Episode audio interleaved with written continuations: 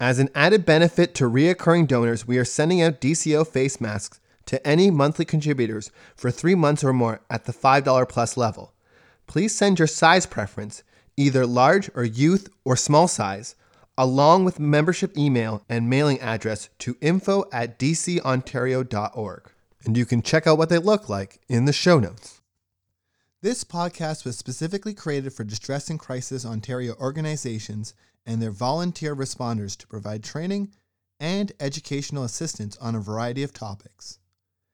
As information evolves and changes, these podcasts are meant to offer ongoing support with the goal of updating them on an ongoing basis. We thank the volunteer responders and the contributors to this podcast. Please visit our website, dcontario.org, for more information and how to access free mental health services. Thank you. Hello, this is Caitlin Plant, Program Manager for Distress and Crisis Ontario, and this week we continue to explore the topics of resiliency and recovery through the story of Jazzy and her insights into the incredible life she has lived. Jazzy's granddaughter, Hannah, was kind enough to sit down with her grand to record this podcast for us, and it led to a wonderful conversation that we are grateful to be able to share with you. It's a bit of a longer podcast than we usually release, but I assure you that it's worth it. A small disclaimer Jazzy uses some language that may seem offensive to some. However, it is relevant to the context of the conversation and times being discussed and is not meant to be disrespectful or derogatory. Thank you for listening. We hope you enjoy it.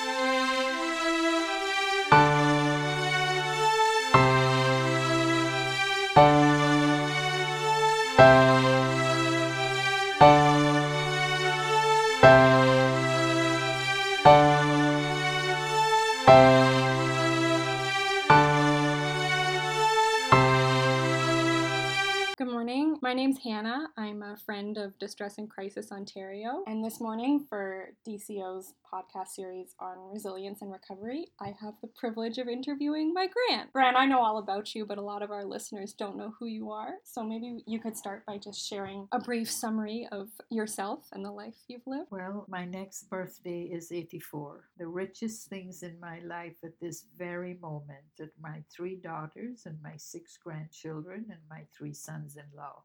That's more than money in the bank. It keeps me Oh. resilient. Their unconditional love and caring and availability is the essence of resilience. Who cares about Mm. you matters. And it literally keeps me alive. Uh, I've been in Canada for my youngest child, Hannah's mom, Sunita, is going to be 50, 56.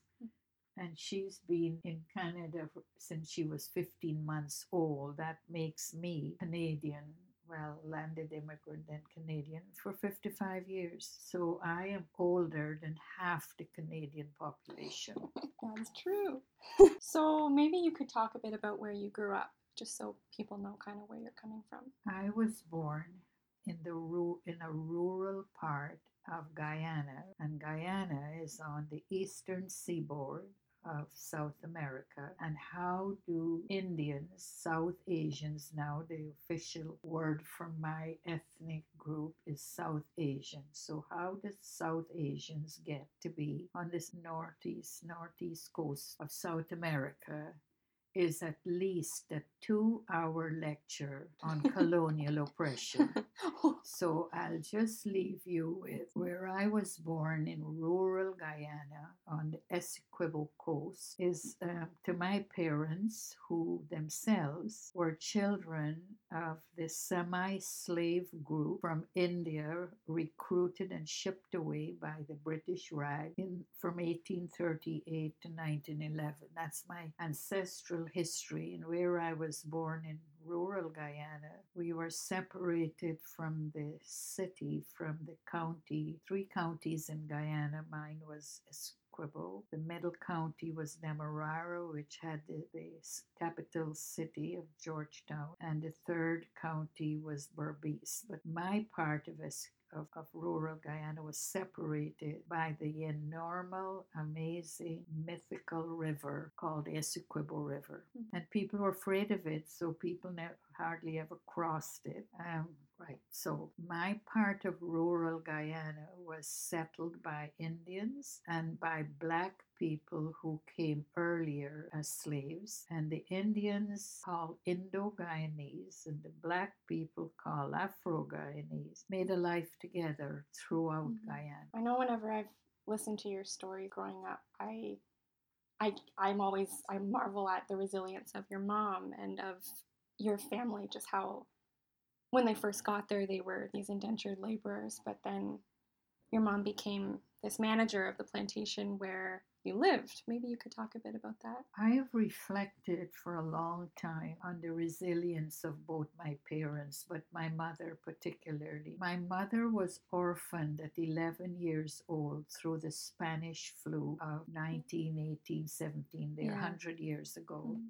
Both her parents and her brother, a year older than her, died on the He died the day before his parents, and both mom and dad died on the same day of the flu in their ancestral village of Richmond, Essequibo, Guyana. And my mother lived her life before marriage, after the death of her parents, and during her years before marriage and all through her life in the midst of what we call the extended family, Mhm. but that she had to survive with her married sisters and brothers whose children were her age. I've often wondered how she must have missed her own mother. She was only mothered up to age 11. Mm-hmm. But I think what sustained my mother through her life were the narratives and stories she grew up with about these relatives. I call them a basketful of relatives. Her siblings were nine and they had umpteen children, and, and neighbors became aunties and and she was nurtured by this clan and the clan she nurtured the clan and the clan nurtured her actually the clan helped her survive Mhm. so she showed a resilience. When I was studying to be a social worker, I was asked by a panel, I was on a panel of what led me to social work. And I said, unconsciously, maybe, because wasn't conscious, I never knew I'd be educated, is that my mother carried the soul of her clan Mhm. in her love, trust, and total dedication to her clan was like clinical social work Yeah. And her sister, who had no patience with individuals, became a master suffragette in Guyana for Indian women and education. Those were my two Mhm. role models. Yeah, I know we've talked before about how your mom's model of supporting a community that really influenced you when you came to Canada and Absolutely. building your career as a social worker and trying to build community connections between other people. Right. There was a message, and I didn't know I was absorbing it. It was there is always someone to help. Yeah. So I never that never failed me up to now at 80 something years old that there's always someone to help.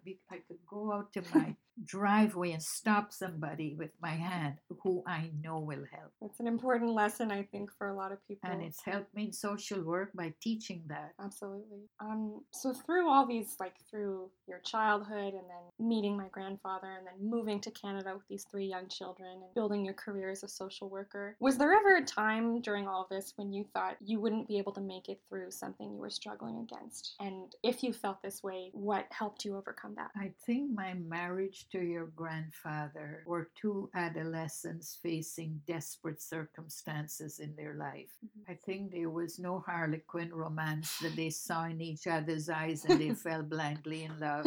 We married to survive, and we did. Yeah. But what happened when the very first time I thought, what's ever going to happen here, is the day we were to, we we lived through the crisis in a part of Guyana where there, there were ethnic riots. Right. It was This was in Wismar, right? Right. Yeah. It was called the Wismar Troubles, and we had to be evacuated as a family with two babies. And, and the company my your dad your granddad worked for, an insurance company, shipped us off to St. Lucia to get to find work for him because we were displaced as refugees in our own country. Right. So you had to move to St. Lucia because it was so dangerous in Yeah. Guyana. Okay. And the company I don't think I knew that. yeah, the company then offered, created a position for him in Okay. St. Lucia.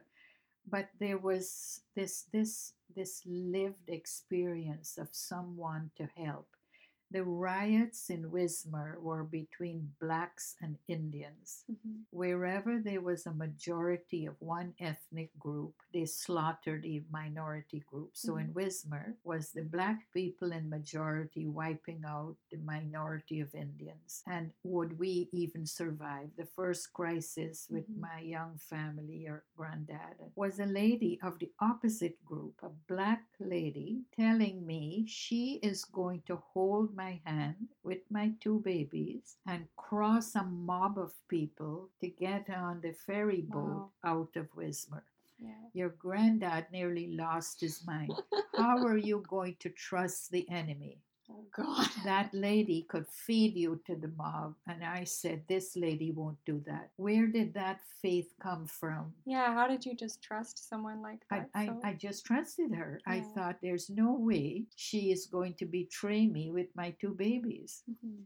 And the belief in the other, that's my, been my philosophy of life. Otherness has been my ally for life. Mm. Who is the other going to make this possible? Of course, she guided us. We, Yeah. we left. So that was faith against reason Right. that particular day.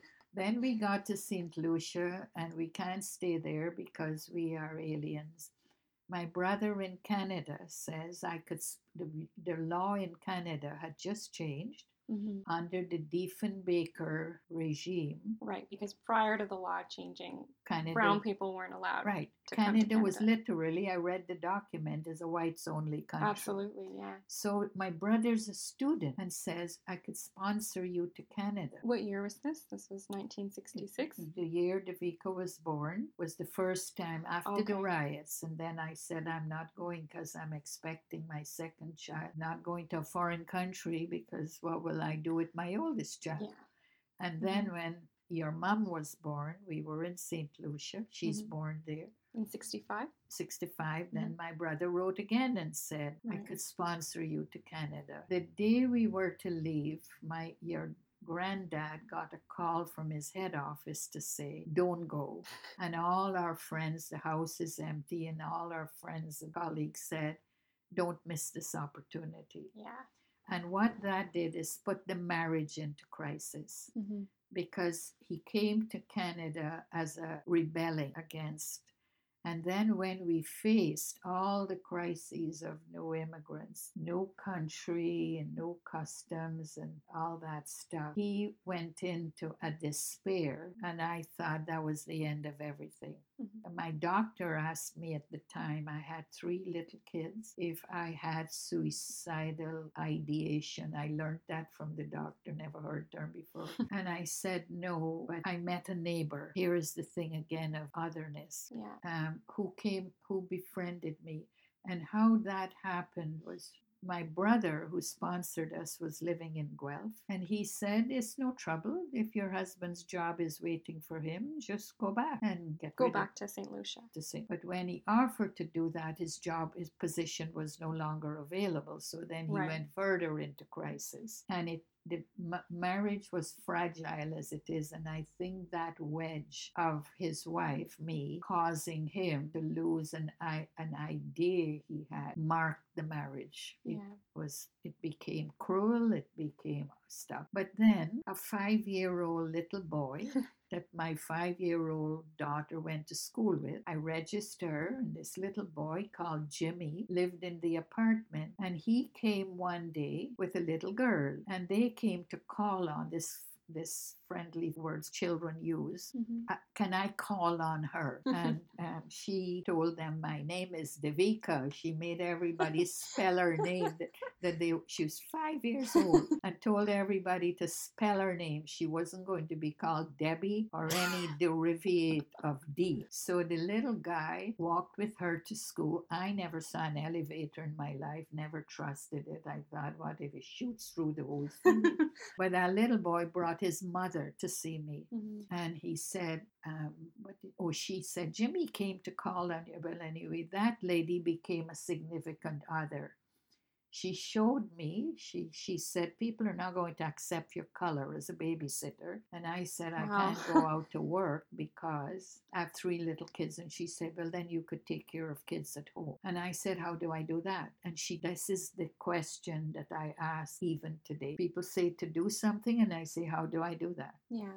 right hmm it has saved my life many times Absolutely. that's positive. It's it is a it is a re, uh, thing a demonstration of resilience that I she's she's going to tell me how and she said I will be a reference because people may not accept you as a darkie Oh my good and lord. dark and and she's a white lady but she Yeah. knows her country and she I've always been so amazed by like all the people, just strangers that helped you guys when you got to Canada, especially because there weren't a lot of immigrants here. They just kind of looked at you guys and said, "Yeah, I can help you." uh, well that's the story of my whether they were racist or not Mm-hmm.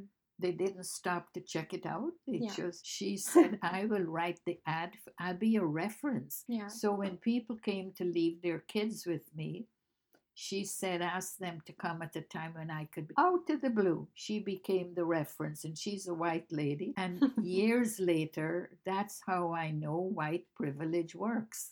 That she would That's very very true.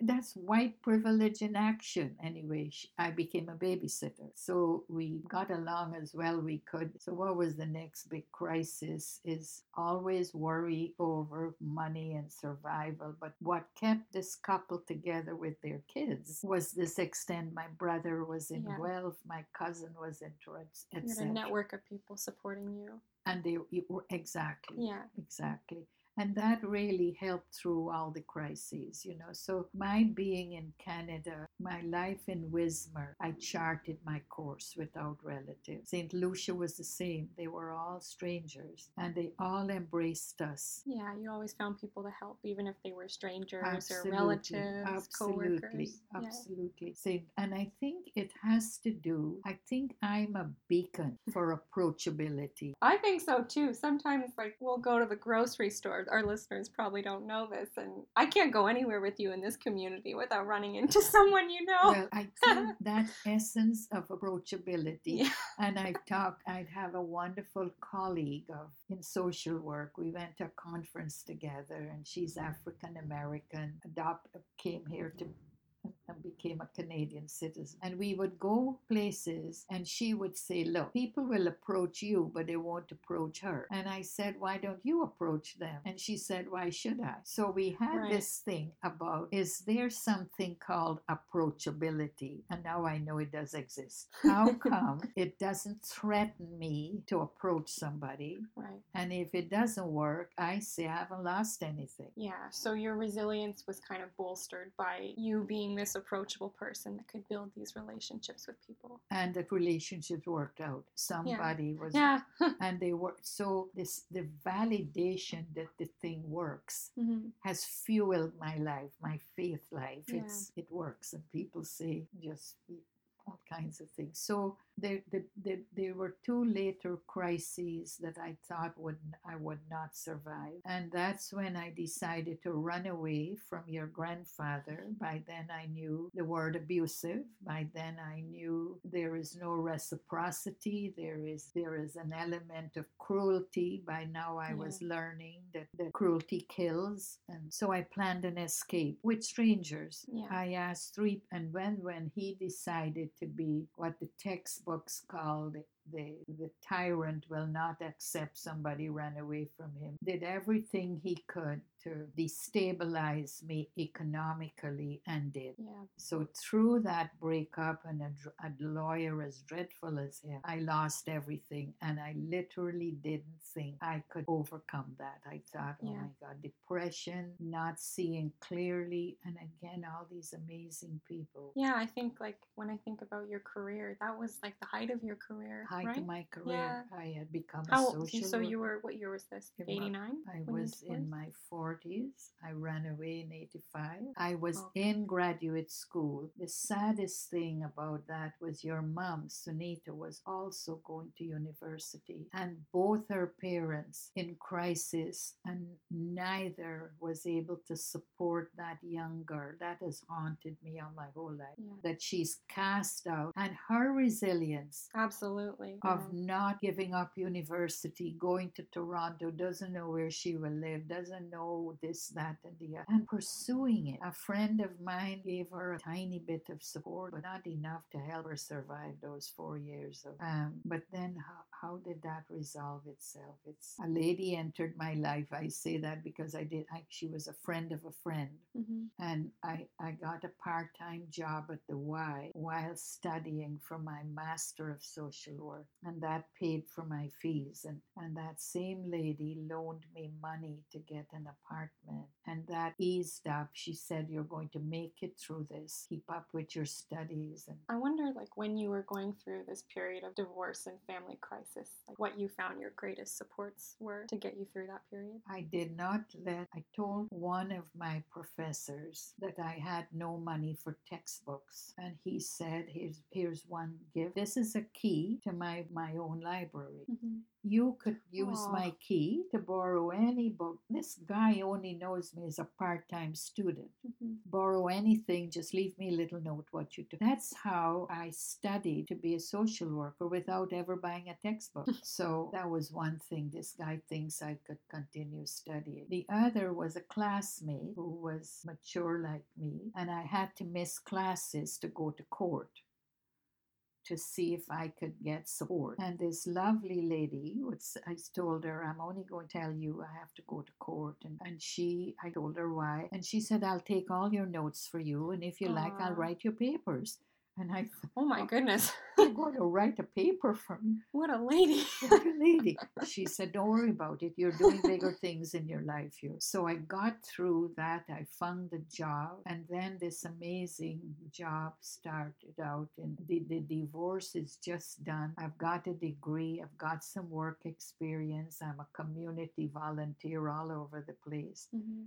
founding member with my friend Ari for Focus for Ethnic Women, which was a group in town. And then I got the nerve to interview for a job for a, a newly provincial funded program called Better Beginnings, Better Futures. I knew all about it. My work in Waterloo exposed me to it. And I applied for this job, and in a little room in a public housing, there were eight people to interview me three managers of agencies and four parents. Mhm. And the parents, I thought, oh, if parents are interviewing me, I could really listen to their concerns. And, and I, I, I handled the interview and I n- didn't hear, and I thought they were too scared to hire. I wasn't from Guelph. And then I got a call from a mother who said, We have hired you for this position of Better Beginning. Wow. I couldn't believe it. I, I mean, they were such amazing questions. Somebody, there was a guy in the room, and he said, If we hire you, will you get more people of your kind to come? And I, Oh God, what then- did he mean? and, and the agency people were freaking out because you don't ask people that. But I thought I'd answer him. I said, Do you mean people who are immigrants to Canada? People who Right. look like me? Is that what you mean? He said, Yes, we need them. We need them people like you. and I said, You know, it will depend on my knowledge, my skill, my experience, and your willingness to be inclusive. what year was this when oh you My started Better Beginnings? I started Better Beginnings in 1991. And it grew so much after Yeah, that. It yeah. became this incredible community organization. Absolutely. It was one of it. Well, the government funded it for three things kids, at risk kids, their parents, and their community. And I was qualified in all three. I wonder, like, as a social worker, um, working with all these different populations, if you've if you've seen people that have shown resilience, how how have they kind of generated that resilience? What's helped them be resilient? The people you've worked with. Well, I would say every person involved in Better Beginnings, in the Guelph Better Beginnings, was what the research calls disadvantage, at risk, po- poor below the poverty line. That's the research. And these people had faces.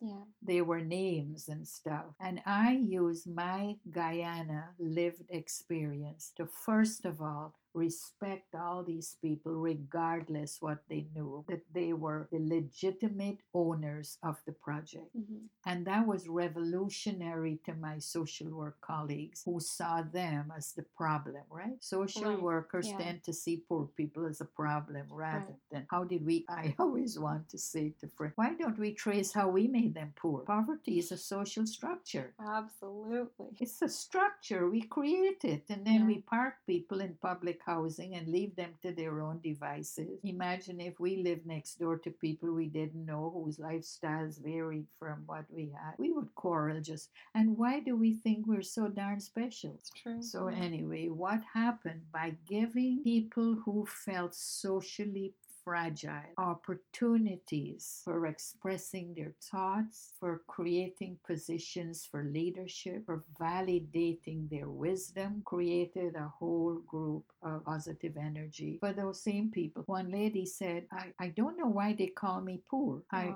because poor people don't call themselves poor, you just don't No. have enough to eat. Yeah. Why would you go around saying I don't have enough groceries, so I'm poor? I mean, it's stupid. Mhm. Who would ever do that? So women took opportunities to go back to school. Some went to Mhm. counseling for abuse, um, leadership. Oh my God, blast opportunities to lead and speak. I created a public speaking forum. There's one of these women working now at the distress center as secretary. I hope she's still there. If her name is Jackie, then she's one of these people from Willow, the the creative group of um, and accepting when people talk about their own fears and limitations, instead of sending them for counseling, you give them support. So if you're afraid of public speaking and, and you're using your voice is to publicly tell the world who you are, then you'll take two friends with you, one on either Mhm. side, and they will buffet you. The other time, I well, during Bet- Better Beginnings, helped me see that the divorce that took away everything did not take away my job. Yeah. That was the most amazing thing in my whole life. Oh my God! Now I I could go back to being a daycare teacher, twelve dollars an hour, but I didn't think that social work would be my career. So your career kind of gave you it built your identity in a different way, like outside of your marriage. with credibility. Yeah. I couldn't believe it that the role had built into it. It was not risk free because the, the way I saw social work as a community organizer is the opposite to how my clinical friends were seeing social work. Yeah. Which was a, what they called it, what is the def, not a defined problem. Well, clinical social work, it's like it's between two people. Whereas we were just talking the other day about how in community social work, you, you kind of bring a completely different framework to it because it's about the whole community and to that build was- someone's resilience. And that was it. Yeah. So my colleagues in social, especially in senior management in Guelph, really was it. There was a mutual respect right. that I would bring my perspective, my my lens, community lens, and not the problem lens. So I wasn't I wasn't going to concentrate on anybody's problem because they all had it was the norm. Problem was the norm. So how were they going to break their own cycle through resources, personal Mhm. resources, opportunities, respect for their situation, speaking up for them when other people were cutting them out. And, and an active component of community organizing is adult education. hmm How do you start working with adults? The big the first thing is adults are not children, they're not empty slates, they have Yeah. lived experience. Yeah. So then I checked in on experience and found out I called the the the re- resources of what the literature was calling capacity. I called it Willow's capacity of strengths. Did you see a difference in how the resilience in adults versus the resilience in children? Because I know you've worked with both. The resilience in children really depends on opportunity. Right. the the, fir- the first thing we tried out is in poor neighborhoods there is no access to free recreation i contrasted it after my trip to india and i looked at every indian community the green space belonged to the city Yeah. I And the kids-. The Mm. cricket, any little kid with a stick in Canada, recreation belongs to those who could pay. hmm And it is a crime against poor children. Yeah.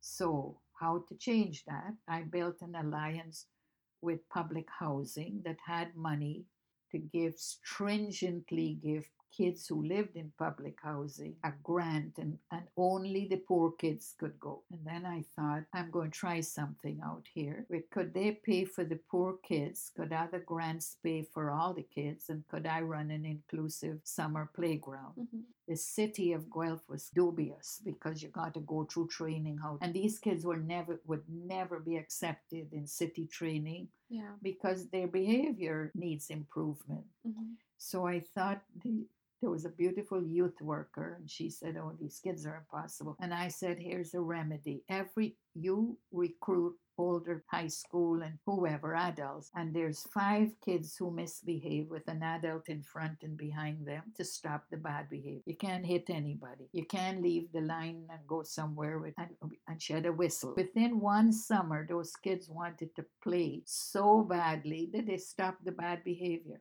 Wow.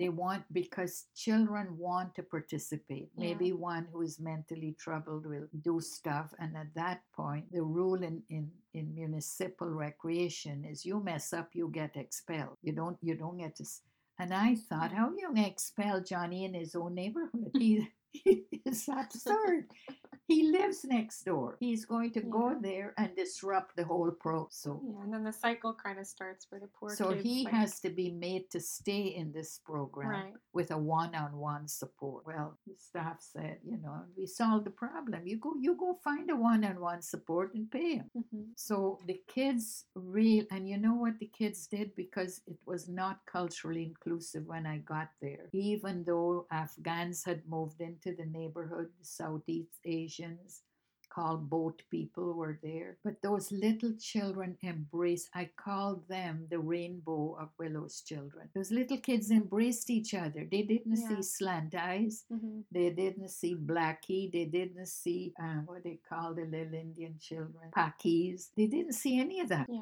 They just, and then the teacher, wonderful, wonderful teachers, taught the kids how to pronounce names, how to say people's names. And so kids respond if we only knew that all those youth in crisis, there's research I read that if they had recreational inclusion before age 12, Yeah. it would have paid off. Yeah, because I think when you build those things early, you can build your resilience for later on as an adult. Because sometimes adults are set back if they haven't had those experiences Exactly. at a young and age. inclusion. There was a and Bob Rae was for a short time premier of Ontario. He had a study on health, and there was a wonderful book written by um, a guy called called Dan Offord who looked at the, the role recreation plays in the life of youth. And I thought bureaucrats are, could change situations. We should probably wrap things up in a few minutes, but I'm wondering, just like to kind of round things out, if there's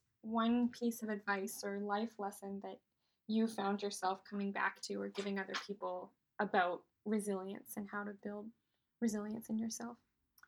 I think it's the real belief that you're not alone. Yeah. that that trouble has companions in any sphere hmm and that supporting someone who doesn't quite believe that how do you become a connector to that that's another social work lived experience connections work Yeah. and how to say to people there's always help.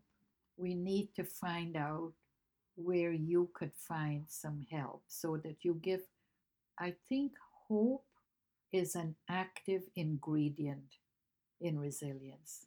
Wow. it's active. It's like yeast in my raisin bread. That's what hope is.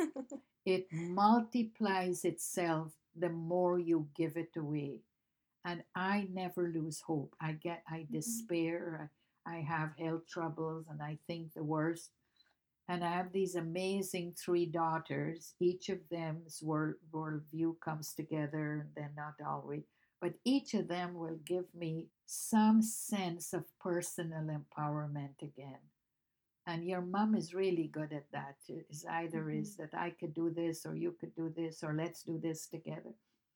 And she's coming to me to a pacemaker clinic. And she has no idea how helpful it is because I lose track of what the technician is saying. Yeah. I'm so busy trying to understand him until she would clarify something. Yeah. Or write notes. I, Or I know make she takes notes. copious note, and Yeah. then the notes educate me. Mm-hmm. So, hope is an active ingredient. My lived, ex- I'm too old to change my mind. That's another thing.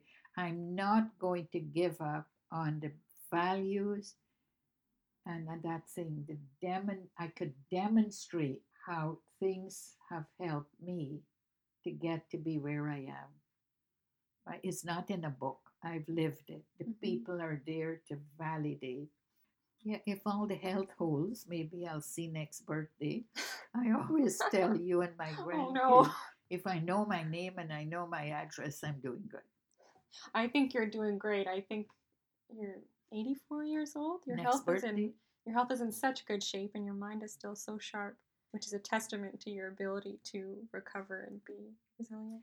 Well, I think the resilience must come off the semi slave boat of my grandfather. I think so too. I think your roots have a lot to do with Yeah, it. how did he survive the journey? yeah, If you look at where the eastern seaboard of India is, yeah. and you look at where Guyana is, Mhm. you're going to cross oceans and continents. And how did he survive eating dal and rice twice a day? It's amazing. And so he sur- both grandfathers survived the journey. The, Mhm. what my friend at York calls it, the crossing the Kalapanis, crossing the Black Water. There's a book written Right. about the trip across the ocean from yeah India from India. Yeah. eastern seaboard. They were from some were from Uttar Pradesh, and some when the boat had space picked up the other ancestors from Chennai, which was called Madras. hmm And how did that little man get off the boat with that little bundle on his back? hmm And created a clan in Guyana, which include my mom, his youngest daughter. Yeah. So something in him must have come down. Yeah, I I think you know the way you build communities and the way your mom did. Maybe that's something that my I think he's my great great grandfather must have done Yeah, when and, he first got to Guyana. and I think his wife, who my grandmother Ramde, who was born in Guyana, there was something my mom learned from her is that, and there's a there's a, a saying in Guyana, you cannot go to a house with empty hands. hmm So my mom learned from her mother, she was 11 when she was orphaned, you carry something, do not go with empty hands. My mom practiced that. I grew up with every visit my mother would make to her clan, some who were badly off poverty wise, and some who were some of Guyana's most well to do people we Narayan children straddle that social class continuum for my whole life. Mhm. We'd visit my father's sister who wore no shoes, her feet were deformed, and my aunt who wore her hat and glove like the Queen Mother to go to the races. Yeah. And one summer I would live that social continuum with absolute respect for both contingents. Yeah. So that was ingrained, and I think all my siblings have that, this stuff. And we carried bananas or breadfruit or Mhm. It's something you taught my mom too. She's always taught me to never go to someone else's house empty-handed. well, Canadians have a similar thing of take. I learned here that if you're invited to dinner, yeah. you take something. In Guyana, food was reciprocal. Right. You did you the food you would take would be more gift-like than contributing to the meal. But I learned that here, and I learned that this collective way of feeding people called a potluck. I thought, oh my God, how does a pot have luck? What is luck of a pot? it's and then you go and you see that everybody brings food and everybody shares food. It's beautiful.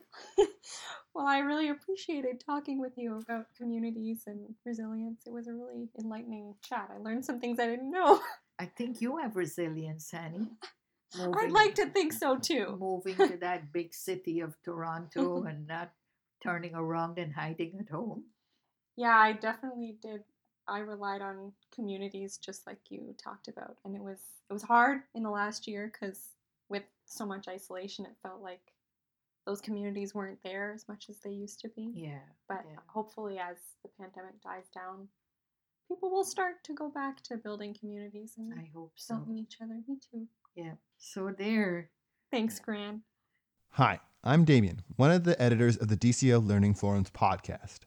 We are committed to providing the most current and up to date information. With your help, we can make it better. Please consider going to tips.pinecast.com slash jar slash distress dash and dash crisis dash ontario.com or by clicking the link in the show notes. And by donating, monthly contributors will be able to access a special podcast feed. In it, we'll have additional content and some more in depth pieces on some of our most popular topics. Thank you.